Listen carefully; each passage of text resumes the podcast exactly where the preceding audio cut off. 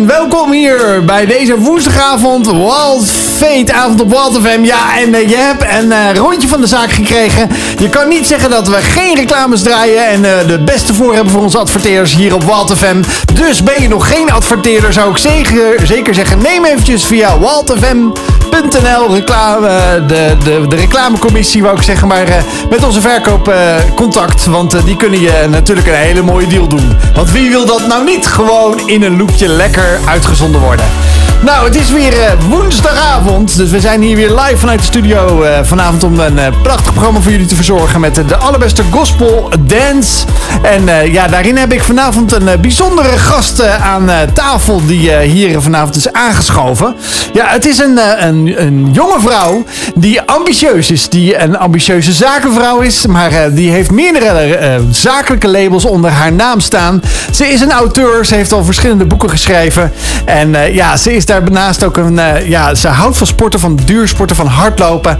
Ze is een. Uh, als het mooi weer is, een vervent uh, motorrijdster oh, natuurlijk yeah. weer. En ja, dat zou ik natuurlijk graag nog een keer met haar doen op woensdagavond. Ja, want het is niemand minder dan mijn mede-presentator, maar nu mijn gast vanavond, Marije van den Berg. Nou, superleuk Joost. Ja, leuk ik dat je er bent. waarom dat onze gasten altijd zeggen, dit is zo leuk zo'n introductie. Ja, dat is toch iets wat je cadeau kan doen aan onze gasten die altijd hier komen. Maar vanavond ben jij mijn gast hier op uh, Waldfeet. Leuk dat je er bent. Ja, dankjewel.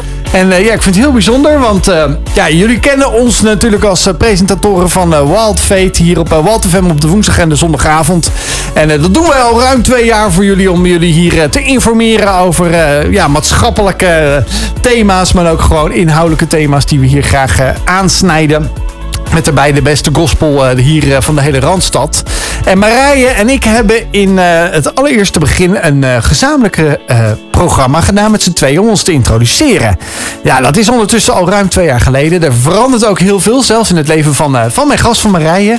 En ja, ik moet heel eerlijk zeggen, Marije, ik hoop eigenlijk dat we vanavond echt een keer jouw leven induiken. Want jij hebt al vele radioafleveringen gemaakt en al tientallen podcasts. Maar ja, ik zei al tegen je, ben je zelf al een keer een beetje echte gast geweest? Toen zei je, nou, dat valt tegen eigenlijk. nou, wat gaaf dan dat je vanavond hier in, in ons programma te gast mag zijn. Ja, superleuk. Het is een beetje hetzelfde als fotografen. Ja. Die uh, staan zelf ook niet zo vaak uh, in de picture, letterlijk en figuurlijk. En Klopt. dat is met radio maken ook wel ja. zo, ja.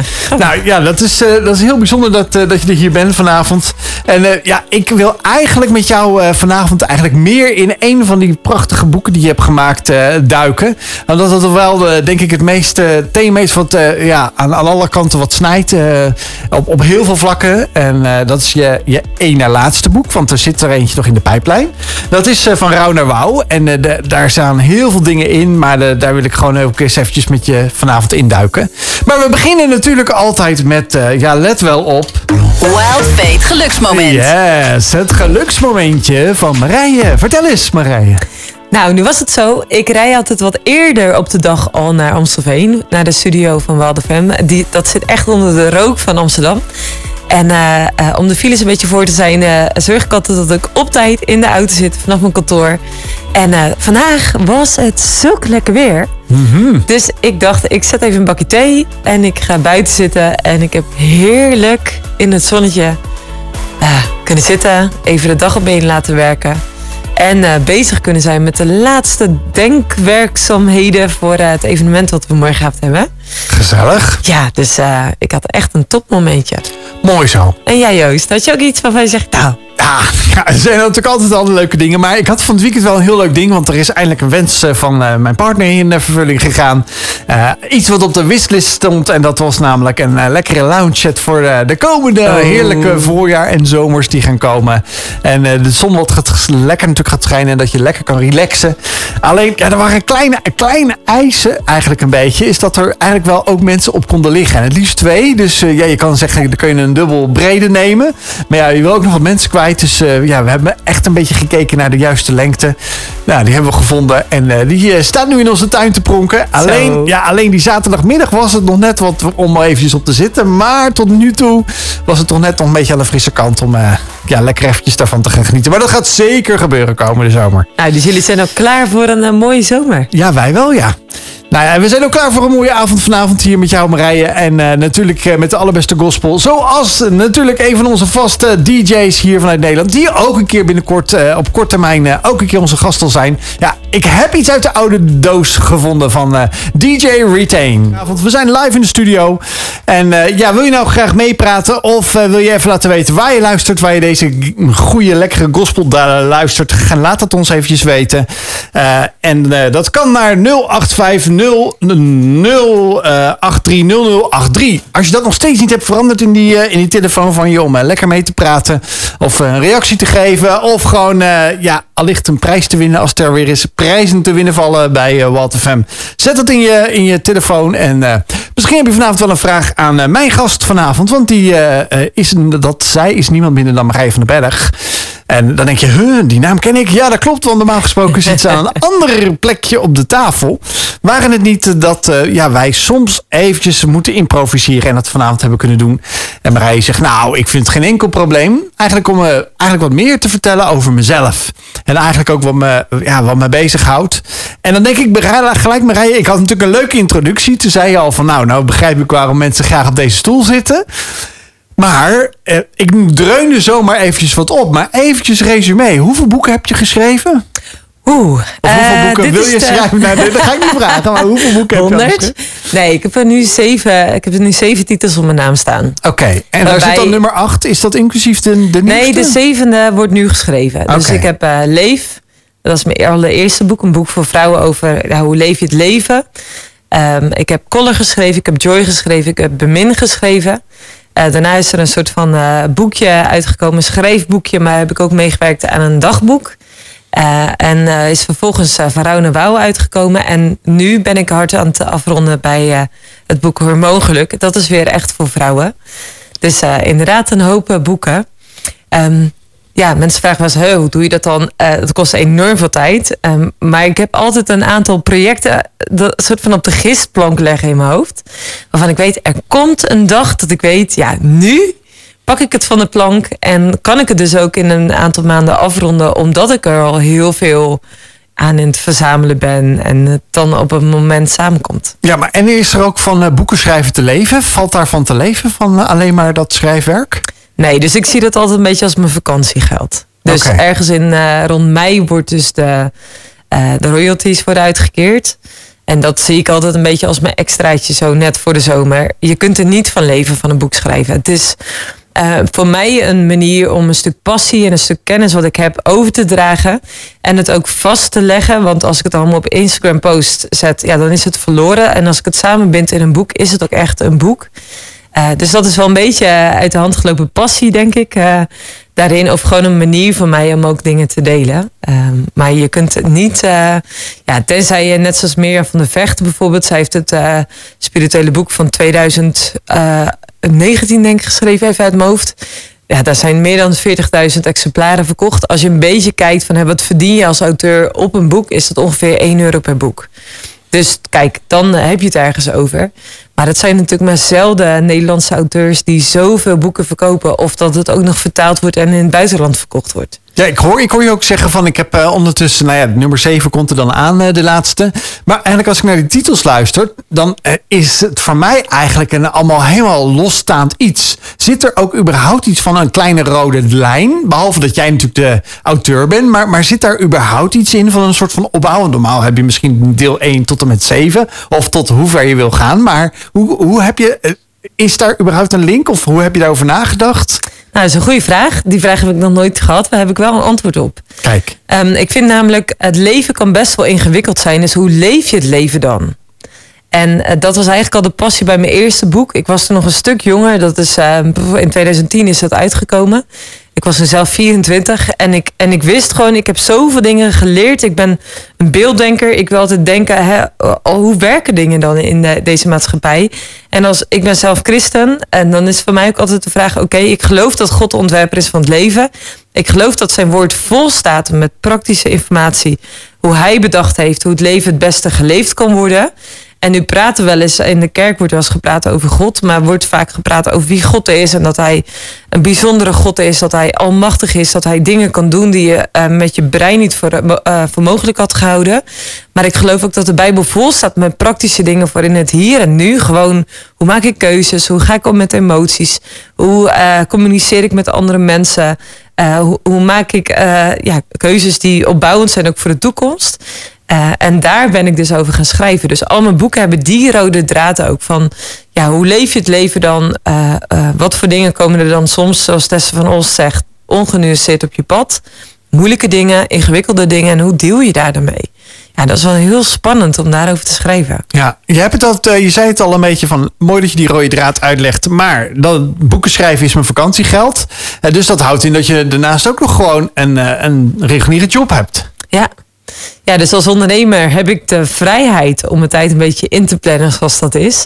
Uh, dus normaal gesproken werk ik goed voor voordat ik een boek ga schrijven. Het boek wat ik nu aan het schrijven ben, Hormogelijk, uh, is een uh, boek wat eigenlijk ontstaan is bij een evenement wat we vanuit Bureau Delight hebben georganiseerd. En dat heette Hormogelijk. En dat ging dus over leefstijl, maar ook over je hormonen en hoe dat invloed heeft op elke dag in je leven als vrouw zijnde. En vanuit daar zijn we dus, uh, uh, zijn er zoveel vragen gekomen over datgene wat ik deelde. Dat ik echt dacht, ja, hier moeten we gewoon zoveel meer praktische input geven dan dat er nu ook voorhanden is. En dan ook juist in combinatie met leefstijl, met hoe doe je dat dan met je werk? Hoe doe je dat met privé? Hoe doe je dat met je relaties? En hoe kun je dan dus daar bewuste keuzes in maken voor nu, maar ook die heel veel invloed hebben op de dag van later? En ik hoor je zeggen, boeken schrijven is één. Uh, evenementen organiseren met onder andere bureau Delight is nummer twee. En wat zijn er nog meer van activiteiten die je ontplooit uh, in het uh, dagelijkse leven voor de kost te verdienen? Nou, dus ik spreek enorm veel mensen. Als coach en trainer sta ik soms voor groepen of heb ik mensen één op één bij mij zitten. Uh, ik uh, ben al uh, tien jaar plus ondernemer. Dus ik vind het echt fantastisch om ondernemers te coachen. Ik heb zelf ook een commerciële achtergrond. Dus dat is gewoon heel erg tof om te zien dat ik vanuit mijn expertise en mijn ervaringen als ja, opstarter van verschillende organisaties en, en bedrijven, dat je daarin ook gewoon kunt zien, hey, ik kan dus andere ondernemers ook echt verder helpen in de keuzes die ze maken. Even los nog van de expertise die ik heb als coach. Ja, en dat, uh, dat zijn echt wel mijn, uh, mijn mooiste momenten. Dat je iemand verwelkomt en echt ziet van... Hey, ik kan voor iemand ook echt van betekenis zijn. Of dat het iemand is die ergens werkt en echt merkt... ja, ik weet dat er meer in me zit, maar wat dan? Uh, of mensen die vastlopen, merken ik heb burn-out klachten of stressklachten... Uh, wat kan ik veranderen? Waar heb ik eigenlijk behoefte aan? Zodat het, dat ik lekker er in mijn vel kom te zitten. Ja, tot aan mensen die zeggen, kom maar door. Uh, uh, ja, ik wil mijn bedrijf gewoon krachtiger neerzetten. Hoe ik het nu doe, daar ben ik helemaal klaar mee. Ik wil juist die meer vrijheid hebben. Maar hoe ga ik dat dan bewerkstelligen? Ja, dat vind ik uh, mooi dat je het zegt. Volgens mij is dat een ruim gevulde weken met allerlei leuke dingen die je uh, gepassioneerd kan en mag doen. Ja, een daarvan is ook dat je ja, onder andere een gecertificeerd, gekwalificeerd skileraar en snowboardleraar bent. En ik weet niet steeds of dat nog steeds zo geldt. Maar ja, daar zijn ook nog wel de nodige zaken in die sneeuw gebeurd. En daar gaan we het volgende blokjes eventjes over doorpraten. Ja, ik ben vanavond met Marije van den Berg, mijn co-host in het uh, normale woensdagleven, woensdagavondleven in gesprek vanavond bij Wild Fate hier op Wild FM. En ja, we hadden het voor, voor het nummer eventjes over de muziek. Of muziek, nee, we hadden het over je boeken. Dat je er, nou ja, zes al helemaal af hebt en nummer zeven in de pijplijn zit. als mensen nou zeggen van, joh, ik wil eigenlijk meer weten van die boeken. Of ik wil misschien eentje kopen. Waar, waar kunnen mensen überhaupt die boeken vinden dan? Nou, dat kan het allerbeste via uh, klareliefdestaal.nl. Dat is mijn uh, um, ja, onderneming voor koppels. En daar zit heel mijn webshop in met al mijn boeken. Uh, dus daar kun je zeker terecht. Of op hormogelijk.nl. Daar vind je ook het laatste boek. Oké. Okay. En dat is voor vrouwen geschikt. Ja, mooi. Nou, bij deze, uh, klareliefdestaal.nl, daar kan je in ieder geval uh, de boeken vinden van uh, Marije. En ja, daar is ook één boek te vinden, onder andere van Rauw naar Wauw. En ja, dat is een boek, dat is echt wel een stukje levenservaring, maar ook een levensverhaal. Want het begint als je de nummer 14, pagina 14 opent. Jij kan er al licht op dromen. Met een datum. En deze datum ja, was uh, in 19, uh, of 2018 op 20 januari. Dat jij ja, dacht van ik ga eventjes eruit. Want er zijn een aantal dingen al gebeurd. En dat gebeurt natuurlijk in ieder leven. In ieder leven gebeurt wel wat, gebeuren veel dingen. Maar je nam nogal best wel wat mee richting die, richting die Zwitserse sneeuw onderweg. En ja, jij stapt op die skis. of eigenlijk op, die, op dat snowboard trouwens, want dat is niet niks. En je gaat nog met die laatste lift toch even mee naar boven. Toch nog even dus, die sneeuw pakken, want ja, je bent niet voor niks in, in het oord waar jij graag komt. Want jij houdt van de kou, je houdt van de sneeuw. Dat weten mensen ondertussen als ze vaste luisteraar zijn van Wild Fate. Ja, en dan, dan gaat er toch iets gebeuren onderweg naar beneden. Wat gebeurt er dan op dat moment, Marij? Neem ons eens mee. Nou ja, we zeggen altijd, als je emotioneel uit balans bent, stap dan niet op de motor of niet in de auto. En ik voegde daar eentje aan toe. Stap ook niet op een snowboard. Um, die 20 januari, ik was behoorlijk uit balans. Uh, daar waar ik dacht mijn leven voor dit jaar aardig bedacht te hebben. Ik had net allebei de stichtingen die ik leidde vaarwel gezegd. Overgedragen aan nieuw leiderschap om zelf iets nieuws te gaan pionieren. Met mijn toenmalige partner. En die zei op 1 januari, wat als je zonder mij verder gaat? En uh, daarmee was wel echt eigenlijk alles. Ik had alles afgerond. Als het ware alle schepen achter me verbrand. Al geloofde ik echt dat het iets was wat God in mijn hart had gelegd. Alleen ik stapte op het moment echt niets meer van mijn leven. Dus ik zat in die lift naar boven. Uh, op de Gale, zo heet die piste. Ik, ik ken die piste al. Ik ging er al 15 jaar. Uh, elke winter vaak vanaf. Eigenlijk wel dagelijks. Dus die piste, ik kon hem helemaal dromen gewoon. Ik werkte in dat gebied echt al jaren. En uh, ik uh, bind mijn snowboard vast en ik carve naar beneden. Dus vol gas. Ja, terwijl ik net in de lift had gehuild. Omdat ik een soort van, zeg maar, mijn plaatje van mijn toekomst in 15 miljoen duizend stukjes had zien scheuren. En een soort van door de lucht zag dwarrelen. Ja, en na een paar bochten vloog ik over de kop. En ik weet nog dat ik met mijn hoofd zo over de sneeuw heen ging. En ik lag daar en ik weet niet of dat ik daar lang of niet lang gelegen had. Maar ik duw mezelf op mijn knieën. En ik realiseer mezelf, oh, mijn rug en mijn nek zijn oké. maar ik moet oppassen voor een innerlijke bloeding. Ha, achteraf denk ik, wat een bizarre gedachte is dat geweest. Dat je dat, denkt. En ja, ik had echt heel veel pijn in mijn, uh, in mijn buik, in mijn romp. Maar, en ik was erin geschoold als snowboardleraar. Weet je, van, hè, je moet altijd checken. Heeft iemand niet extreme pijn? Want je kunt door een grote val uh, ja, een innerlijke bloeding hebben. Of botbreuken of wat dan ook. Maar ja, in shock ben ik dus teruggeboord naar de skischool. Ik moest nog een lift pakken. Uh, ik, het was echt nog een end. Het was nog iets van 20 minuten terug. En ik kom daar aan. En daar aangekomen. Ik kom binnen. En het, het gaat niet meer. Ik kon mijn schoen niet uittrekken. Uh, ik moest aan mijn collega vragen van, uh, uh, nou ja, ik trok helemaal wit weg en zij dacht echt, wat is er met jou hand? Gaat iets niet goed? Dus ik ben toen op het peuterbedje gaan liggen. En zij hebben toen de EHBO gebeld, maar die dacht dat ik op de piste lag. Want ja, wie zoekt dan in de skischool? En uiteindelijk kwam die binnen en die zei meteen, we gaan de helikopter bellen. En ik kon toen gewoon niet meer, ik moest dan wakker blijven en bijblijven. Maar ik dacht op een gegeven moment echt, die pijn is te veel ik, ik wil gewoon, ik kan het niet meer aan. Het is gewoon zoveel pijn dat ik gewoon, ik, dacht echt, ik, het is te veel, ik kan niet uitleggen. Het is te veel om te dragen. Ik, ik, kan, ik kan het niet bolwerken met mijn kop. En toen hoorde ik de chopper, zo kwam die aan. En toen dacht ik echt, oh, dat is echt verlossing. En uh, ja, die is, ik weet niet wat die me in me gespoten hebben, maar ik weet nog dat toen we dus uh, vanaf, uh, vanaf de piste naar Luzern vlogen, en dan vlieg je een deels over het Vierwaldstätterzee, uh, over het, meer. En dat ik tegen mezelf zei, Marijn, nu moet je kijken. Want ik lag op mijn zij. Ze me, ik mocht me niet bewegen. Dus ze hadden me gewoon op zo vanaf het bedje met het hoesje van het bedje... Uh, vastgezet. Ja, vastgezet. En ik moest dus op mijn zij blijven liggen. En ik zei echt tegen mezelf, nee, je moet, dit, je moet echt kijken. Dit, dit is een once in a lifetime experience. Ogen open houden. En dan vielen mijn ogen weer dicht. En dan zei ik, ogen open houden. Dit is echt zo mooi. Dit zie je echt nooit weer.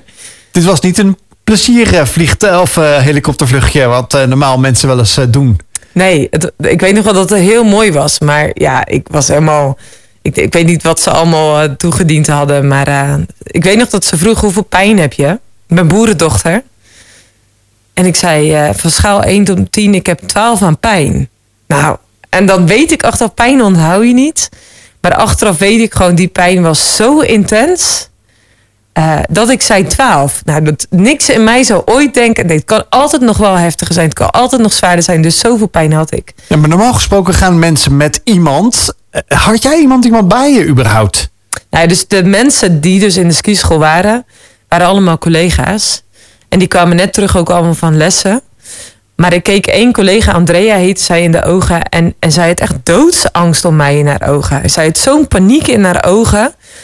Eh, want ja, zij zag mij op een brancard opeens weggedragen worden. Dat was voor hun ook zo heftig om te zien.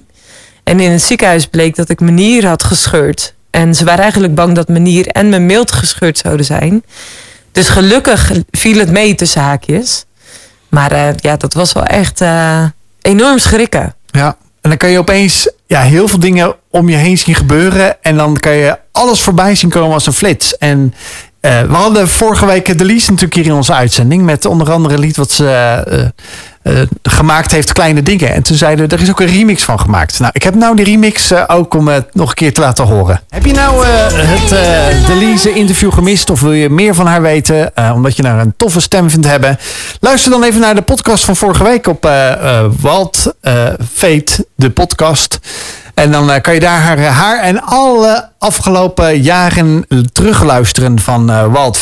Want eh, ja, we zijn er al een paar jaar. Dat mogen we gerust zeggen, Marije, samen. Ja, dat is echt eh, tof. Twee mooie jaren al achter de rug. Ja, zeker. Ja. En eh, vanavond hebben we jou te gast. Want eh, jij, jij hebt eigenlijk ook best wel een verhaal eh, los van het eh, allereerste uitzending. Waar je kort eventjes wat gedeeld hebt over jouw leven, over mijn leven. Over eh, ja, onze leuke hobby's die we hebben.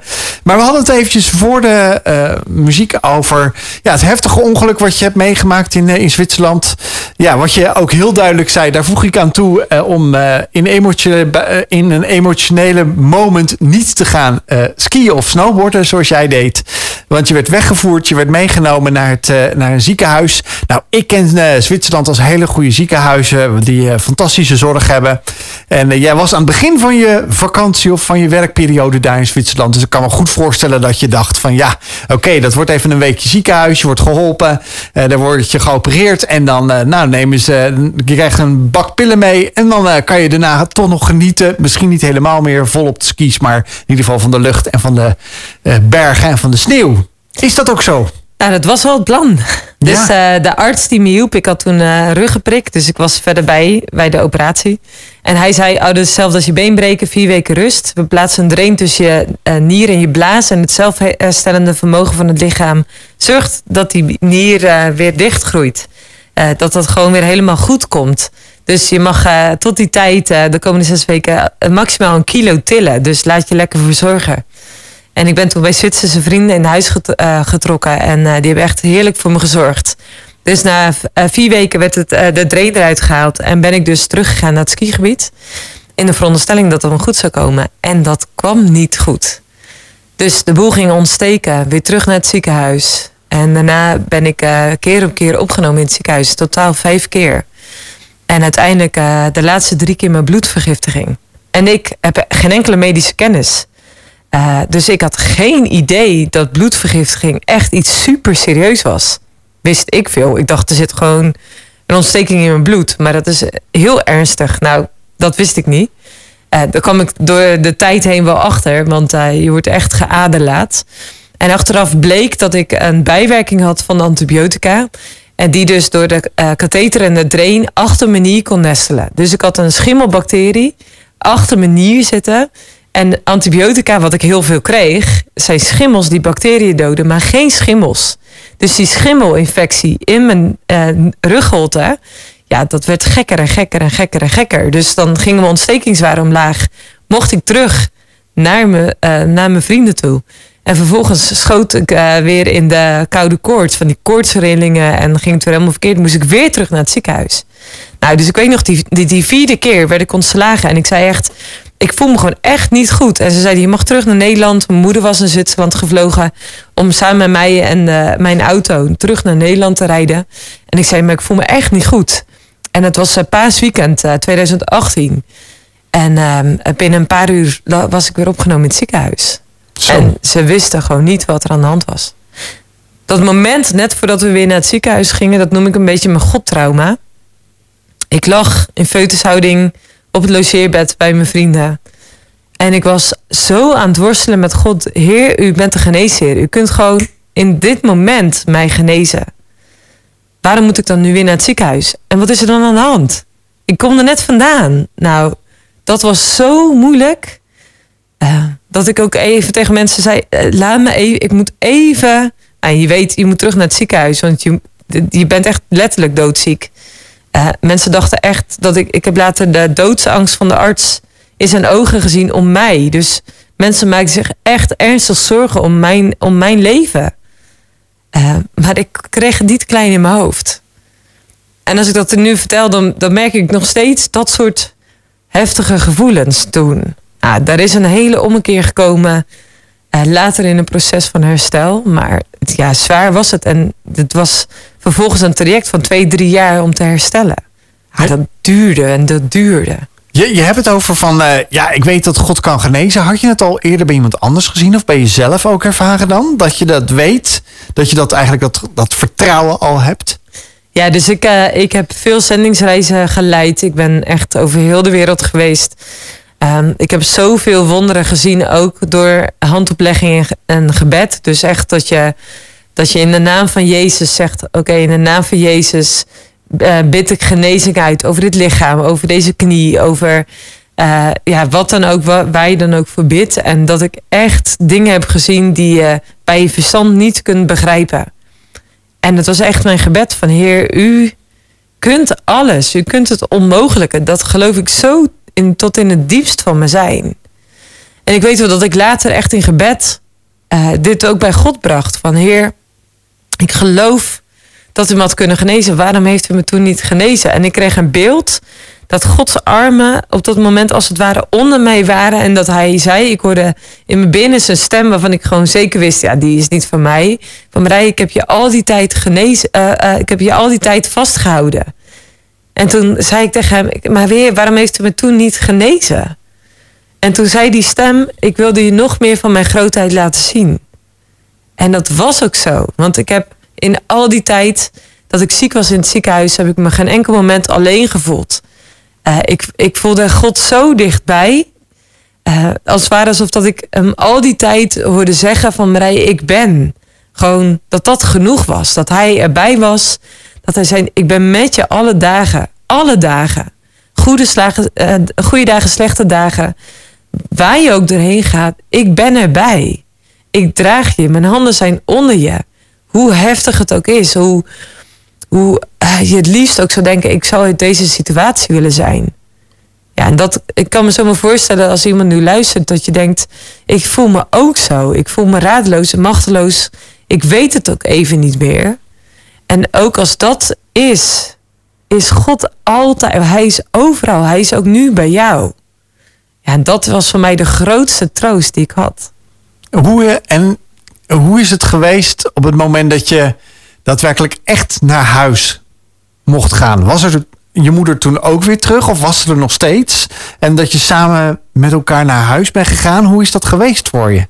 Ja, mijn vader is gisteren eh 60, eh, ge- eh, 65 geworden. Dus toen ik ziek was, vijf jaar geleden, eh, werd hij 60. En hij zei, ik vier het niet als Marije er niet is. Dus ik dacht, oké, dan vlieg ik voor zijn verjaardag naar huis. Dus ik, ik was, eh, ja, het was ergens begin april was het ook Pasen. Dus ik ben 16 april naar Nederland gevlogen. En ik weet nog, je zag niks aan mij. Maar ik had nog een katheter, nog een drain. Ik had een superpubis katheter. Dus ze slaan ze echt gewoon een gat in je buikwand. En dan, ja, dat is makkelijk. Want, nou ja, dus, dus, maar dat zag je aan de buitenkant niet. Want ja, je hebt dan niet hele strakke kleding aan dat iemand dat ziet. Eh, en ik liep daar dus met een tas achter me aan, want die ik dus niet mocht tillen. Dus ik vroeg een meneer die voorbij kwam, zou u misschien mijn tas op een karretje willen zetten? En die man keek echt aan, huh? Dat ik zei, ja, ik heb een gescheurde nier en ik mag niet zwaarder tillen dan een kilo. Dus ja, toen was het wel. Maar dat was natuurlijk echt fantastisch. Dat je... En tegelijkertijd had ik nog steeds niet door hoe ziek ik eigenlijk was geweest. Dat is echt in de maanden daarna, vooral ook als er dan herbelevingen komen en eh, van een bijna stikkervaring tijdens die vijfde ziekenhuisopname. Dus er is zoveel gebeurd. Ja, dat komt eigenlijk pas later als je niet meer in de overleefstand zit. Ja, en dan komt er dat ref- reflectiemoment waarin je eigenlijk alles op een rijtje gaat zetten en dan in die rust komt om ook daadwerkelijk dat eh, ja, tot een boek te bundelen. Want eh, uiteindelijk staan daar ook stappen in tot herstel. Hè, van naar dat wauw-moment wat je natuurlijk ook ja, graag wil laten lezen, maar ook wil laten beleven. Want het is niet alleen een boek geworden, maar ook een podcast met, hele mooie ja, platen, hele mooie foto's erin. Juist om mensen ook in dat visuele mee te nemen in een, eh, ja, in een wauw-moment, hè, van dat hele rauwe moment. Nou, daar ga, ga ik graag met je tweede uur over doorpraten. Want eh, ja, we moeten er toch eventjes uit voor dat nieuws en dat journaal. eh, en ja, jullie hebben al genoeg reclames misschien gehoord het eerste uur, maar toch, we zijn straks bij je. Neon Father met Light Domains. Ja, eh, het licht overwint altijd, zeggen we dan wel. En zeker in het kader van Wild Fate hier op Wild FM. Want eh, ja, daarin hopen we een sprankje hoop ook te geven... door alle muziek heen, door alle verhalen heen... die we de afgelopen twee jaar al eh, hebben geproduceerd voor jou hier op Wild FM. Live vanuit de studio, of bijna altijd live. Want dat willen we heel graag doen, want we willen interactie graag met jullie. als luisteraar, met jou. En als jij nou denkt van... ik ben echt al helemaal ja, in beweging gekomen eigenlijk... of in ontroering gekomen of in nadenkstand gekomen... naar aanleiding van het eerste uur wat ik heb met Marije van den Berg. Want zij is vanavond mijn eh, gast hier bij Walt eh, FM. En ja, misschien zeg je hele bekende naam natuurlijk. Want normaal is onze co-host. met, doen we samen het programma met onze gast. Maar wil je nou nog een vraag stellen? Schroom ook vooral niet om dat aan Marije te stellen. Of ja, een bemoediging door te geven. Dat kan op eh 085 083 0083. Dat is de Walt FM eh, WhatsApp. En dan kan je daar je bericht doorgeven. Ik had met Marije het eerste uur erover eh, van eh, ja, hoe heftig het is om een ongeluk te hebben. Dat heeft ze gehad. Daar heeft ze dan zelfs een boek over geschreven naar aanleiding onder andere daarvan. Zij heeft meerdere boeken geschreven. Zelfs eh, ze is met nummer 7 bezig. En wil je nou meer van die boeken eh, te weten te komen of je wilt er eentje kopen, dan kan dat via klareliefdestaal.nl. Daar kan je al haar boeken vinden. Maar de allernieuwste die komt pas eh, ergens in eh, Q2, Q3 denk ik het kwartaal uit. En dan kan je daar hormoongeluk ook aanschaffen. En daar gaat ook haar nieuwste boek over. Maar we gaan natuurlijk eh, verder met het eh, tweede uur met haar. eh, omdat we al zeiden van ja, er is een periode geweest. Je kwam thuis. ja, een nieuw hoofdstuk van je leven begint ook daadwerkelijk. Want dan ga je de boel verwerken. Maar daar gaan we niet verder over doorpraten. Zonder dat wij ons eerste itempje natuurlijk hebben gedaan. Marije, en ook jij bent daar vanavond bij betrokken. Zijn jullie er klaar voor? De tijdmachine. Want wij gaan met Marije naar welk gedeelte, Marije, uit de Bijbel? Ja, we gaan naar de tijd terug dat Pasen net voorbij was. Juist. Een heel spannend gedeelte. Want ik denk dat de discipelen die hebben ja, jarenlang met Jezus opgetrokken. En ze zien daar aan het kruis Jezus hangen. Degene waarvan ze dachten, hij gaat heel de wereld redden. Misschien wel, hij gaat ons verlossen van de Romeinse bezetters. Hij is het antwoord. Hij is degene die het meest onmogelijke gaat doen wat wij eh, vermo- eh, ja, voor onmogelijk achten. Hij is de koning van ons als Joden. En ik denk dat die droom zomaar in heel veel spetters uiteenspatte toen ze hem aan het kruis zagen sterven. Toen hij riep aan het kruis, het is volbracht. En hij gaf de geest. Al die vrouwen ook die Jezus volgden, die hem heen hadden staan. Sommigen die jarenlang in Jezus geïnvesteerd hadden vanuit hun eigen geld, zodat hij ja, kon leven en, en daar waar hij kwam mensen kon genezen en, en verhalen kon vertellen. Wat moeten ze verslagen zijn geweest? Het was er een man, een Jozef, die zei: "Hè, Ik ga regelen dat eh, het lichaam van Jezus in mijn graf begraven kan worden. En hij had zo'n ja, een soort van grot, een uitgehouwen grot waar Jezus dan begraven werd. En daar werd dan een hele grote, sterke ja, steen voorgerold met een aantal soldaten, omdat ja, de fariseërs bang waren eh, dat het lichaam van Jezus geroofd zou worden door de discipelen en dat ze dan mensen wat, waar, eh, eh, wat wijs zouden maken. En op een nacht gebeurt het dat er van alles nog wat gebeurt. Hè. De grond gaat beven en ja, die steen rolt weg. En er verschijnt een engel aan die soldaten. En ja, die doet gewoon even, eh, die vertelt dat, dat Jezus eh, opgestaan is. En eh, ja, dat is, dat is echt zo'n bijzonder moment. Dat, dat die engel zegt tegen de vrouwen die Jezus kwamen verzorgen, kwamen balsemen. Ja, en heel graag dus Jezus nog een stukje eer wilde betonen. Dan zegt die engel tegen die vrouwen: Je hoeft niet bang te zijn. Want ik weet dat, die, dat, Jezus, dat u Jezus zoekt die gekruisigd was. En hij zegt tegen hen: Maar hij is hier niet, want hij is opgestaan. Zoals hij gezegd heeft. Kom, kom binnen. Kijk dan, hier heeft Jezus gelegen. En uh, vervolgens ja, nodigt die engel die vrouwen dus uit om naar de discipelen te gaan en, en ze te vertellen dat Jezus is opgestaan. Ik denk dat ze flabbergasted waren op het moment dat ze inderdaad dus in die grot keken en wisten, daar lag het lichaam van Jezus. Hij is, hij is doodgegaan en dat ze een engel ontmoeten. En even serieus, een engel is, ja, wat, wat hier staat in met deze 28 is dat die engel zo vol licht was, zo bijzonder was dat ze niet anders konden weten dan dat, dat het een boodschapper van God was. En het is zo bijzonder dat toen ze door die engel op weg gezonden waren, dat ze dan Jezus ontmoeten. Die vrouwen, die ontmoeten Jezus. En, en hij laat zien, hé hey dames, ik leef weer. Ik leef weer. Er is hoop, want ik leef. En vervolgens zegt hij, vertel dan aan de discipelen dat ik uh, naar Galilea ga, daar ze mij zullen ontmoeten. En het is al zo bijzonder, hè, want die discipelen gaan dan heen. En dan krijgen ze een hele grote opdracht van Jezus. Namelijk dat ze uh, uh, mogen, uh, ja, de wereld over mogen gaan om, om te vertellen over wie Jezus was.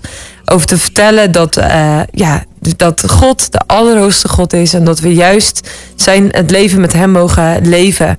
En dan zegt hij de legendarische woorden. En zie, ik ben met jou alle dagen tot aan het einde van de wereld. En die tekst kwam op mij op een dag dat ik echt even niet meer wist tijdens muziek zijn waar ik het hebben moest. Waarvan ik echt niet meer weet, Heer, ik heb een stuk bemoediging nodig. Uh, ik snap helemaal niks van mijn leven. En toen kreeg ik deze tekst in gedachten. En zie je, Marije, ik ben met jou alle dagen tot aan de vereinding van de wereld. Er is altijd hoop. Jezus is er altijd bij. En hij wil je dragen. Vanavond heb ik Marije van den Berg uh, hier te gast. En uh, zij deelde in de tijdmachine een stukje over Matthäus 28. Waarom heb jij dit aangehaald, Marije? Nou, dat is een beetje tweeledig. We zitten in de tijd tussen Pasen en Pinksteren.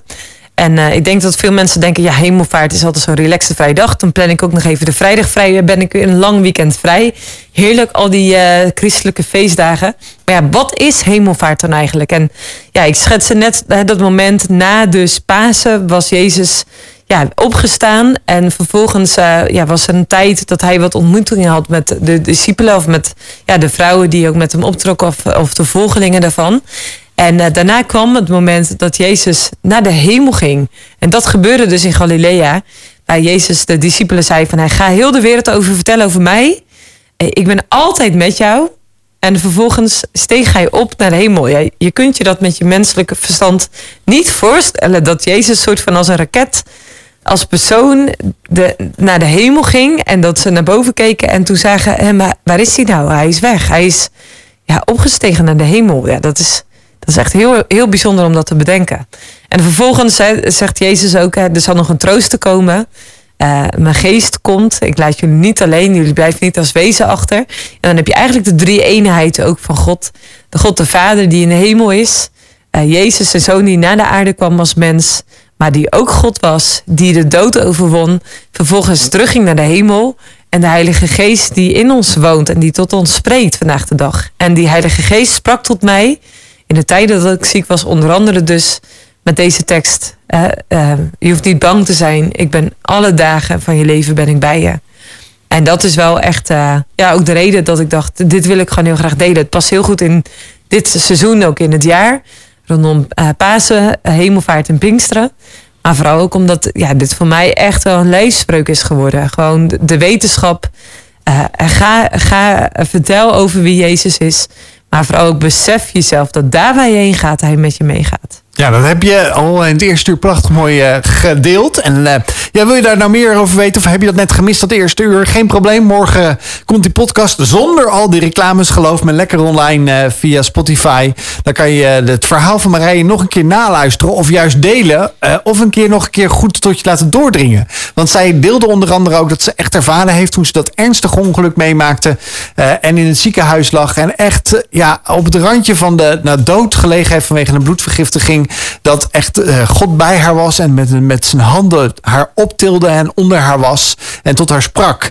Uh, maar daar genoeg over, want ze kwam namelijk net voor het, uh, het eerste, aan het eind van het eerste uur thuis. Op, het, op de verjaardag, of eigenlijk de verjaardag die gevierd werd, speciaal door haar vader uitgesteld. Zijn 60-jarige jubileum, zo maar zeggen, zijn verjaardag.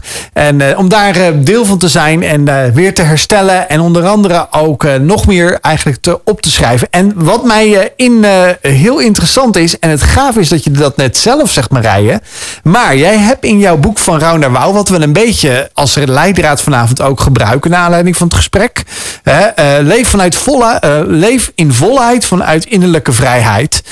jij haalt toevallig net zelf dat, die Bijbeltijdmachine aan hoofdstuk 5, die je het wonder van de drie eenheid zelfs benoemt. Maar wat mij triggerde, dat is namelijk van die elf hoofdstukken, is het middelste hoofdstuk nummer 6, want dat kan niet anders. En ik vind die teksten heel, of die titel heel interessant. En ik ben heel benieuwd wat je daarmee bedoelt. Niet relativeren, maar relateren. Wat, wat was de inhoud of wat is jouw gedachte achter dit hoofdstuk? Ja, dus als je uh, wil dealen met dingen die in je leven spelen, want het boek gaat, ja, heeft mijn levensverhaal een beetje als aftrap. Ik heb 14 podcasts opgenomen en, dat is still counting. Uh, elke maand lanceer ik weer een podcast, omdat ik zoveel reacties heb gehad van mensen die zeiden: Oh, ik vind die podcast van Rauwnebouw zo helpend, omdat je uh, in, het, uh, in gesprek gaat met mensen over de rauwheid in hun leven. En die kennen we allemaal. Dus ik zou met elke luisteraar ook een podcast op kunnen nemen van hey, wat speelt er in je leven? Hoe deel je met de moeilijkheden in je leven? Um, en waar wij knijten goed in zijn, is dus niet te relateren, niet de verbinding aan te gaan met onze emoties, maar te relativeren. Dus uh, te bagatelliseren of te denken, het valt wel mee. Er zijn altijd mensen die het moeilijker hebben. Pff, ik stap er gewoon overheen. Terwijl dat je alle emoties die dus in je leven spelen, dan als het ware opslaat in je lijf. En vanzelf dus stressklachten krijgt, uh, somatische klachten, een burn-out. Gewoon simpelweg omdat je alle signalen die eerder zijn ja, genegeerd hebt. En daarom is mijn uitnodiging, dat is eigenlijk wat ik bedoel met die titel. Probeer nou juist te relateren, jezelf te verbinden met datgene wat er in je leeft. Dus aan gedachten is bewust te worden van wat denk ik eigenlijk allemaal? Of wat voel ik allemaal? Of wat zit er in mijn lijf aan spanning? Ja, en ik las vandaag toevallig een stukje over ademhalen. Ademhalen is echt super belangrijk. En we merken, dat je eigenlijk gaat ademhalen niet bewust. Maar het zou zo kunnen zijn dat als je er nu even op zou letten. Dat je merkt dat je niet vanuit je buik ademt. Wat dus juist goed is voor je hartslag. Uh, je lichaam ontspant dan. Maar dat je merkt, oh eigenlijk zit ik altijd heel erg hoog in mijn ademhaling. Ja, dan is het echt belangrijk dat je goed gaat ademen. Uh, waardoor je dus ook meer gaat voelen in je lijf. Even wat meer in de rust komt. Om gewoon aandacht te hebben voor hetgene wat belangrijk is. Ja, maar jij kwam terug van dat uh, ernstige ongeluk. Je had maandenlang in Zwitserland geleefd bij vrienden. In het ziekenhuis in en uit gegaan. Je kon thuis. En dan komt eigenlijk, dat weten we eigenlijk zelf ook wel noem maar eventjes de klap of de verwerking. Dus dit is ook voor jou heel erg iets geweest dat je, nou ja, je had een feestje. Al was het natuurlijk ook, het was een dubbel feestje, want je was thuisgekomen en je vader was jarig. Maar daarna iedereen weg, je bent thuis, je bent weer op jezelf. En dan? Ja, niemand had door dat, uh, uh, ondanks dat je het niet zag, dat ik nog heel erg ziek was. En dat was heel vreemd, omdat je... Uh, ik heb dus heel erg geleerd goed voor mezelf te moeten gaan zorgen. En mijn buurvrouw die had zelf ook een ongeluk gehad. En zij zei, Marij, als je een goede dag hebt, geniet er dan van. Maar ga je niet frustreren op een slechte dag. Want als je je frustreert op een slechte dag... dan verstook je energie die je eigenlijk nodig hebt om te herstellen. En herstellen is keihard werken, ook al kun je niet zoveel. En dat is een hele worsteling. Toevallig had ik vandaag ook iemand aan de lijn... en die moest van een uh, operatie herstellen... En, en dan die worsteling van, ja, maar ik, eh, vanuit mijn kop wil ik al heel veel meer. Alleen ik loop er tegenaan dat het me niet lukt. En dan merk je dus, ik moet mezelf af en toe begrenzen. Ja, dat heb ik enorm geleerd in die tijd. En vooral eh, met al mijn ideeën, met mijn gistplank vol, met, uh, met bruisende projecten waar ik nog een keer wat mee wil doen. Dat ik echt mezelf realiseerde, hé, maar ik moet echt me gaan focussen op mijn herstel. En ik dacht, wat dan bij mij past, is all in gaan. Dus ik ben een coachopleiding gaan doen. Een uh, post-HBO. En dat was een studie van ja, twee jaar. Ik heb het in minder dan anderhalf jaar gedaan, omdat ik, dat had ook echt volledig mijn focus. Um, omdat ik gewoon wist, ja, ik ga dan ook echt al in. Ik weet, er is nu heel veel shit om op te ruimen. Um, dat gaat me tijd kosten. Ik ben een beetje gewiekst. Dus al ga ik tegenover een psycholoog of zoiets zitten, dan moet hij wel van hele goede huizen zijn. En ik wist, al ga ik nu echt de opleiding doen, dan kan ik het en met mijn kop bevatten. Maar heb ik ook echt gewoon elke week dus die gesprekken uh, en dan moet je thema's inbrengen met uh, coachcollega's. En ik wil gewoon al ingaan. Kom maar door. Ja, dat is de beste keuze die ik ooit gemaakt heb. Heb je, heb je nog een voorbeeld, uh, een, een beelddenkvoorbeeld, omdat je zelf zo'n beelddenker bent, een praktisch voorbeeld waar je dan ook mee worstelde met, met, met dat moment, in ieder geval eventjes voordat je nou ja, de coachopleiding ging doen en eigenlijk een vervolgstap ging doen. Even een klein stapje terug. Heb je daar een voorbeeld van voor de luisteraar? Nou, de, dit is wel een beeld wat ik had tijdens mijn coachopleiding, maar het laat we heel goed zien hoe dat ik altijd omging met dingen. En um, dat was, ik zag mezelf als meisje allemaal vlinders vangen. En zo netje, echt volledig achter die uh, vlinders aangaan. En ik dacht, dat is echt zo Marije. Ik ben zo'n rasoptimist dat ik uh, eigenlijk altijd alleen maar bezig was in mijn leven om vlindertjes te vangen. Dus uh, als ik nadacht over mijn emoties, dan was het een soort van grijs onbestemd. Of blij vlindertjes vangen.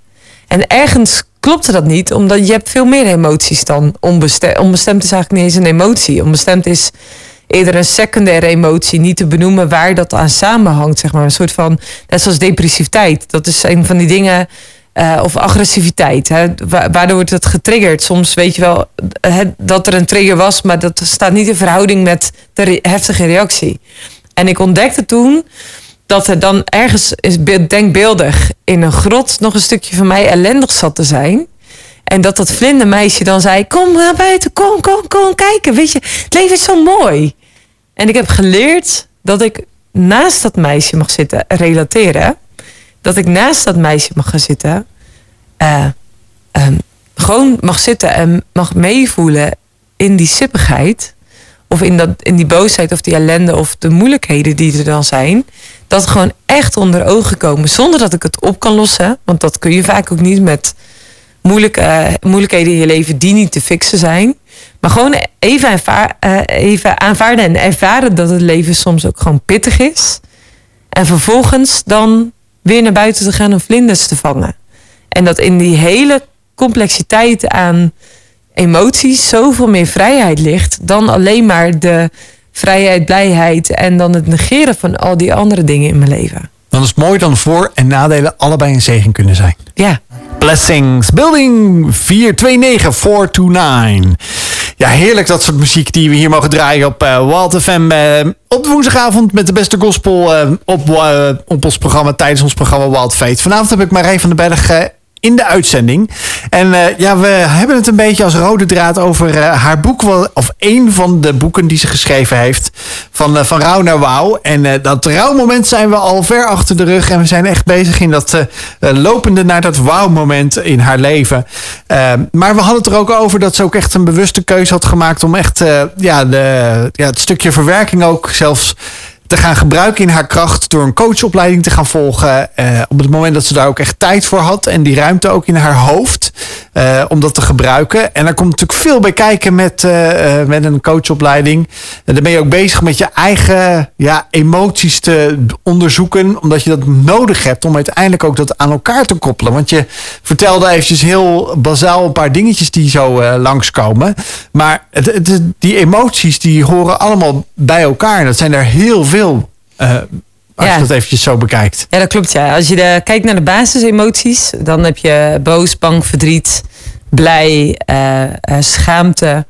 Dat zijn een beetje de basisemoties. En daaronder zitten walging heb je nog. Er zitten verschillende eh, eh, noemers weer onder. zeg Sub, eh, sub-emoties. ja, dus eh, frustratie, bijvoorbeeld onder boosheid of eh, irritatie of eh, eh, onder blij zit ook eh, vreugde, eh, eh, eh, enthousiast. Dus er, er zitten heel veel verschillende emoties allemaal weer, maar dat zijn een beetje de basisemoties. En hoe een emotie werkt, je ziet het ook bij kinderen heel vaak mooi. Een kind valt, eh, huilt, eh, staat op of wordt opgeplukt en vervolgens zie je dus dat het kind huilt en dan doet. En dan komt er weer een loepje. Huil, huil, huil. Vaak ook wel door de schrik. En vervolgens komt er weer, zeg maar. Je ziet dus dat eigenlijk elke emotie zo'n 90 seconden duurt. En dan weer afzwakt. Dat is eigenlijk een beetje de golfbeweging van elke emotie. En elke emotie vertelt een verhaal. En nodigt uit tot actie. Dus bijvoorbeeld als je merkt, hey, ik ben geïrriteerd. Dan nodigt die emotie dus uit tot het stellen van een grens. Of het vertellen eigenlijk wat je vindt. Of wat je ervaart. Of wat je belangrijk vindt. Dus dat is eigenlijk de energie die vrijkomt in die 90 seconden emotie. Nou, dan is het goed als je niet op de top van je irritatie iets gaat delen. Want dan kan je een clash krijgen. Maar het geeft wel even een boodschap aan. Van, oh ja, hier mag ik dus iets mee. Of dit is mijn verantwoordelijkheid om hier iets mee te doen. Net zoals dat je verdrietig bent. Of dat je, nou, noem maar, op. Hè, blijdschap nodig uit tot delen. Schaamte nodig uit tot even checken. Van, hey, gebeurt er iets wat niet zo oké is? Eh, nou ja, dat zijn eigenlijk allemaal hele helpende emoties. Er is ook geen sprake van positief of negatief. We labelen ze heel vaak zo. Maar elke emotie is een emotie. Je hebt dat hele palet, eh, heb jij natuurlijk in, in zo'n eh, post-HBO eh, voorbij zien komen. Heb je veel van je eigen ervaring, laat ik zeggen, zeker van de afgelopen periode die je voor die opleiding hebt gedaan, zou ik zeggen, hebben kunnen afplakken bijna bij jezelf van wow, ja, die heb ik ook zo gezien en zo ervaren. Los van natuurlijk nog zelfs voor je leven daarvoor, maar in ieder geval zeker in die korte peri- periode. Heb je daar veel van weg kunnen strepen eigenlijk? Ja, en ehm, eh, ja, ik, uiteindelijk heb ik een half jaar na dato herbelevingen gekregen. En wat je ziet dus bij herbelevingen is dat je teruggaat naar een moment eerder in je leven als dat al een eerder trauma was. En het mooie is dat als je bepaalde thema's in je leven aankijkt, eh, dan komt daar zoveel herst- veel herstel op zoveel fronten van je leven. Dus ja, ik ben heel veel emoties gaan herkennen. Ehm, ik ben wel heel erg toekomstgericht. Dat, doe ik ook in mijn coaching. Dat ik, ehm, ik kan zeggen dat ik alles daarin ja, onder, de, onder de handen heb genomen. Eh, maar wat ik zie is dat ik heel veel vruchten heb nu in mijn leven. Dus door goed voor mijn emoties te leren zorgen. Want als je dus niet reageert op die primaire emotie, ja, dan kan je het even parkeren. Dat is soms ook heel wijs. Eh, maar als je het langer in de kast zet, eh, dan, dan integreer je die emotie dus in je lijf. En merk je vaak op langere termijn dat je een secundaire emotie krijgt. Daar had ik het net al even over agressie, omstemd gevoel. eh, heel verdrietig sip. Of eh, nou ja, dat je het even niet meer eh, dat, je, dat je het even niet meer weet waar dus een emotie vandaan komt. Ja, dan is het vaak weggestopte emotie die dus op een gegeven moment gewoon zijn tol gaat eisen. Ik, ik kan me heel goed voorstellen dat misschien mensen nu luisteren en denken... ja, ik voel me inderdaad nu agressief. Of ik ben gewoon niet gelukkig. Of ik ben depressief. Of althans, ik benoem het als depressief. Wat, wat zijn dan de ja, throwback stappen? Of wat is dan eventjes... wow, één, even hier piketpaaltjes slaan voordat je überhaupt verder gaat. Heb je een tip? Ik zou zeggen, doe het niet alleen. Dat is een van de belangrijkste dingen. Dus ga kijken met wie kun je hier over in gesprek gaan. En dat kan binnen coaching of hulpverlening. Eh, het kan zijn dat je een journal, eh, gewoon een schrijfboekje erbij pakt en gewoon eens dingen op gaat schrijven. Ehm, maar dat je vanaf nu het voornemen gaat nemen om dus dingen serieus te gaan nemen. En Ja. dan kunnen heel veel, ja, en dan, dan trek je dus even wat open. Je kunt van allerlei gedachten hebben van ja, ik doe er niet toe. Of eh, ik mag niet boos zijn. Of wat vinden andere mensen nou? Niemand is in mij geïnteresseerd. Ik ben stik eenzaam, ik ben de enige. Ja, dat kunnen dan allemaal gedachten zijn die daarin allerlei obstakels opwerpen om dus goed voor jezelf te gaan zorgen. Dan ben je eigenlijk uh, on, oneerbiedig gezegd al een, uh, verkeerde toren, uh, een muur om je aan het heen bouwen die eigenlijk niet goed is om uiteindelijk voor jezelf ook goed te zorgen. Ja, en die hebben we allemaal. Ja. Of gehad, of die hebben we nog. En, en de enige manier, dat is ook dus een van de eerste hoofdstukken in het boek. De enige weg om tot herstel te komen is door de pijn heen. Ja, maar mensen zeggen ja, maar weet je, dan sla ik er een gat in, dan kan er in ieder geval lucht in en lucht uit, dan ben ik ook klaar. Ja, weet je wat het punt is van zo'n muurtje om je heen? Dat klinkt heel veilig, maar dat is stikken eenzaam. Want door de muur komt ook geen warmte. Dus je, je gaat merken, het, is een fantastisch beschermingsmechanisme om een muur om je hart heen te bouwen. Maar wat je uiteindelijk gaat merken is dat, dat, dat je ook niet meer buiten dat muurtje kunt en ook niet meer binnen het muurtje kunt ontvangen. En daar is het leven niet voor bedoeld. Het leven is bedoeld om in kwetsbaarheid in verbinding te staan met elkaar. Dat is super risicovol. Maar wanneer je goed voor jezelf leert zorgen, kun je de verbinding met andere mensen aangaan. En weten waar je je waardigheid, waar je je waarheid vandaan haalt. Zodat je niet zomaar door elk wisselwasje uit balans raakt zelf. Is er ook een, eh, een, een stap, tussenstap voordat ik gelijk naar een coach ren of naar een, eh, naar een praktijk dat ik denk van nou er is nog een tussenstap voordat ik dat doe? Heb jij bijvoorbeeld trainingen of online staan of doe je daar wat mee? Ja, dus je kunt uh, naar www.verrouwenwouw.nl. Daar kun je het boek bestellen, maar ook een online training die erbij hoort. Ja, en dat is echt wel een aanrader. Dan, uh, dan kan je af en toe naar mijn hoofd kijken, want het zijn allemaal opgenomen video's met opdrachten. En dan hoef je dus helemaal met niemand af te spreken. Het kan gewoon echt jouw proces zijn op jouw tempo. Ja, en dat is wel echt heel mooi. Je krijgt echt hele mooie reacties van. En als mensen dan zeggen, rijden, kun je toch wel een beetje meelopen. Ik coach mensen vanuit het hele land. Dus uh, ja, je bent altijd welkom. Ja, en dan mag je eigenlijk ook goed weten dat uh, ja, God er ook altijd is, zoals Marij al eerder heeft gezegd. Hij kent je, hij weet het, hij is onder je, hij is boven je, hij is overal. Hij houdt je dichtbij. Normaal gesproken hier aan de andere kant van de tafel uh, als co-host, maar vanavond uh, mijn gast hier uh, bij Walt FM. En ja, we hebben het eventjes voor de muziek mooi gehad over eigenlijk de basale emoties, hoe dat nou een beetje zit, waar je zelf ook wat aan kan doen. En dat is vooral ook ga ermee aan de slag en, en praat erover trek er mensen bij. Want je kunt het niet alleen. Dat is eigenlijk ook wel heel belangrijk. Want daar is veerkracht voor nodig, ook om weer op te staan. Want uiteindelijk als je aan, het, aan de slag gaat, ja, dan wil je weer omhoog gaan. Hè? Want dat wil iedereen graag. Niemand uh, heeft er zin in om in, de put te zitten. En uh, ja, dat is ook denk ik al een prachtig hoofdstuk bij jou. Uh, nummer 9 van jouw boek van Rauw naar Wauw.nl. Waar je ook veel meer informatie kan vinden. Onder andere online trainingen, Marije. Maar ja, dan vind ik, dan integreert mij dat van... Oké, je hebt al een heel verhaal achter de rug met allerlei dingen. En ja, jouw verhaal wat je zegt, dat is een start van het geheel. Er komen allerlei dingen in. Maar hoe belangrijk is veerkracht bij een mens en bij jou? Bijzonder. Enorm. Echt, veerkracht. Kijk, we leven in een maatschappij waarbij het, vanuit het, het, manifesteren, een beetje nieuw age-achtig uh, gedachtegoed, hè, zolang je maar positief spreekt en denkt. En het is zo, hè, een, een positieve geest bevordert de gezondheid. Dat staat al in spreuken. Hè, dus hoe je denkt, uh, en hoe je praat. Spreuken is trouwens een oud-testamentisch uh, bijbelboek. Ja, dankjewel uh, voor de toelichting Joost. Dus inderdaad, dus, in spreuken staat echt als je iets wil lezen in de bijbel wat inspirerend is, check spreuken. Dat is gewoon een heel boek met allemaal ja, hele gave wijsheden die je zeker wil, wil verkennen. Het is gewoon heerlijk om te lezen. dus dat heeft invloed. Alleen het probleem is dat daarin de gedachte heerst, zolang je dan meer positief spreekt, positief denkt, dan komt al het goede tegemoet. Hè? Dan, dan beweeg je de, de hemelse gewesten en dan komt alles goed. Dat is niet waar.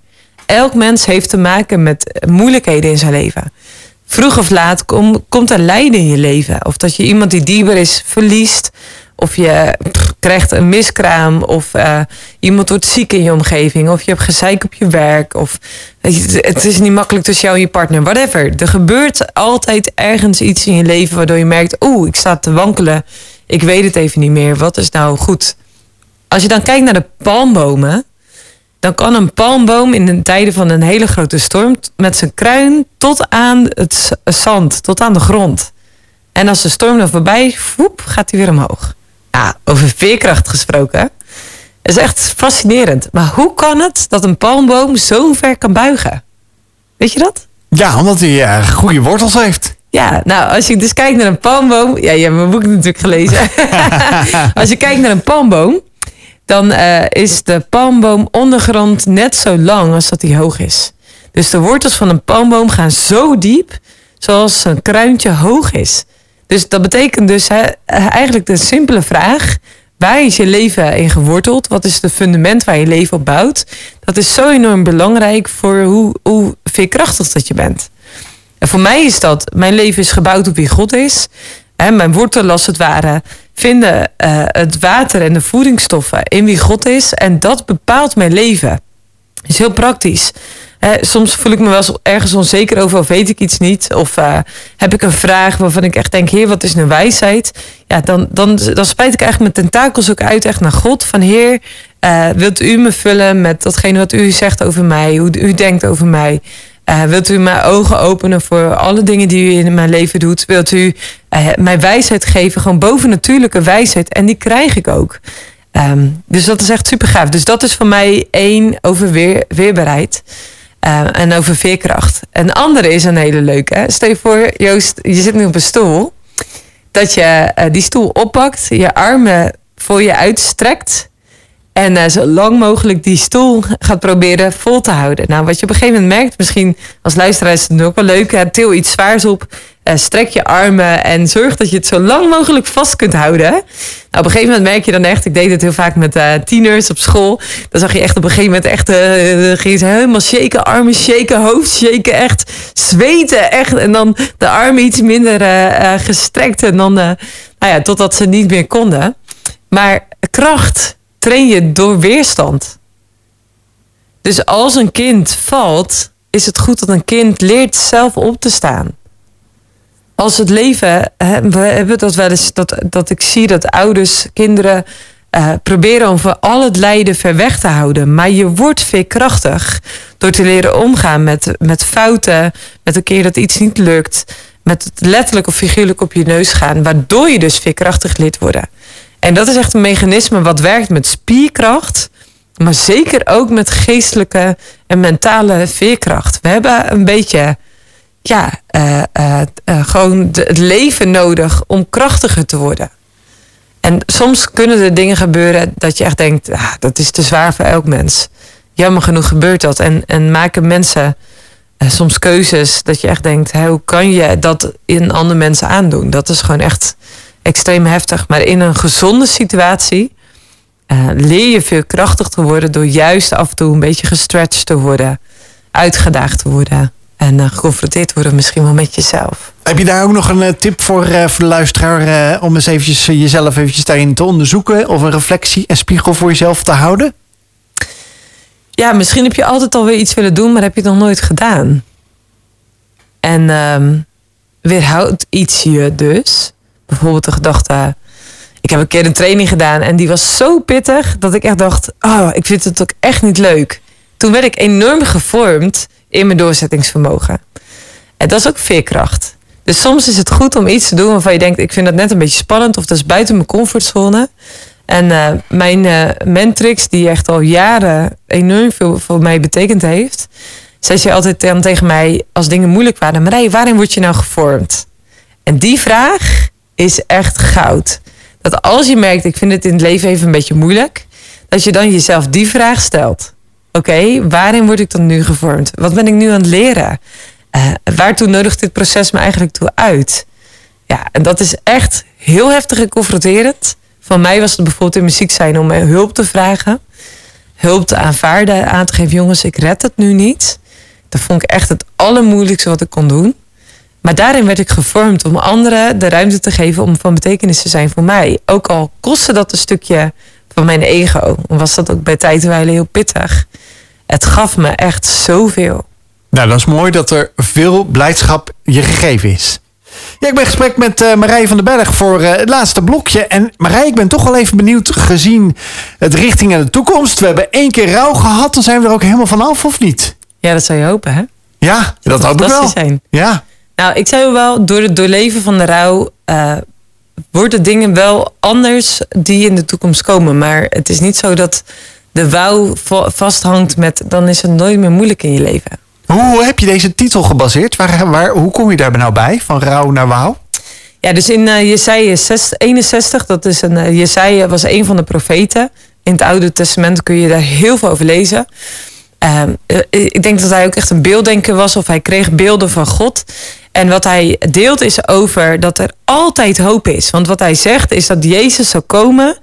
Uh, om van de mensen die in rouw waren, dus uh, as op hun hoofd hadden, kleding gescheurd, uh, sipdip in een, op een hoopje zaten, echt, nou ja, omdat ze het niet meer zagen zitten, dat die mensen opgericht worden, bekleed worden, olie op hun hoofd krijgen en een kroon. Echt gewoon totale transformatie. Eh, hij zegt ook, daar is Jezus voor gekomen. Dus dat is voor mij echt van de rouw naar de wouw. En dan staat er vervolgens dat die mensen als een eik, als een terebind worden. Een terebind is een ander woord voor een eik. Een, echt zo'n stevige, grote boom waar iedereen het heerlijk vindt om in de zomer onder te zitten. Uh, een planting tot eer van God. En dat zij, die mensen die dus van het hoopje rouw naar de wouw gebracht zijn, dat zij enorm veel impact zullen hebben in zoveel thema's die al heel lang misschien wel hopeloos waren. Prachtige, hoopvolle toekomst tegemoet. Ja. En hoe is jouw toekomst? Wat is jouw ja, dromen? Waar, waar jaag jij nog na? Naast het boeken schrijven, eh, mensen helpen, ja, ambitieus bezig zijn. Nou, het mooie is, ik heb de coachopleiding dus altijd voor mezelf gedaan. Ik zei, ik ga helemaal niet coachen. En toch heeft dat vak me wel heel erg uh, aangetrokken. Omdat ik echt merk, ja, ik ben door zoveel dingen heen gegaan. Door COVID uh, had ik ook nog financiële problemen als ondernemer. Uh, ik was toen al twee jaar ziek. Dus ik heb echt, echt veel meegemaakt in die tijd. En dan merk je gewoon, ik kan, ik kan met zoveel dingen kan ik meeleven. Ik kan dus, ik kan dat dus ook. In dat grotje waar, waar iemand dan ook ellendig zit, kan ik naast zitten en ik kan dat verdragen. Omdat ik dat bij mezelf heb leren verdragen. Uh, en dan dus ook met iemand uitzien naar een hoopvolle toekomst. Um, dus ik ga in de toekomst uh, lekker teams trainen, mensen coachen, ondernemers verder helpen, stellen een mooie boost geven in hun relatie, uh, boeken schrijven, genieten van mijn eigen leven en het radio maken. Ja, nou gelukkig maar, want dan ben je de volgende week weer aan de andere kant van de tafel uh, natuurlijk. ik vond het echt super gaaf uh, om jou uh, vanavond mij, bij mij te gast te hebben, Marije. weet je, soms komen dingen ook op je pad. En vanavond, ik vond het heel gaaf dat je ook een andere kijkje in je leven hebt laten, laten wezen. Voor mij, voor, voor de luisteraar thuis, voor degene die morgen of de komende tijd de podcast nog naluisteren. Over wie jij eigenlijk ja, bent en hoe jou dit gevormd heeft. Alle dingen die zijn gebeurd in je leven. En tot op de dag waar je vandaag, ook nu vandaag, hebt bijgedragen aan dit programma. Dus hartstikke bedankt dat je er was. Ja, was superleuk. En ik hoop je natuurlijk volgende week weer te zien. Dat klinkt een beetje gek, maar we hebben vandaag, volgende week weer een uh, ja, ambitieuze vrouw uh, absoluut hier aan de tafel zitten. Zeker, ja. En uh, ja, zij heeft ook veel dromen, weet ik. En ze is ook met hele mooie dingen bezig. Zij coacht ook onder andere. Niet dat opeens twee coaches na, na elkaar toevallig aan tafel zitten. Maar zo komt het soms wel eens uit in onze, in onze planning. Uh, nou ja, ik wil bedanken nogmaals dat je er was. En uh, ja, laat even weten wat je ervan vond. En ik zou zeggen, toch tot volgende week, Marije. Ja, absoluut. Kijk ernaar uit.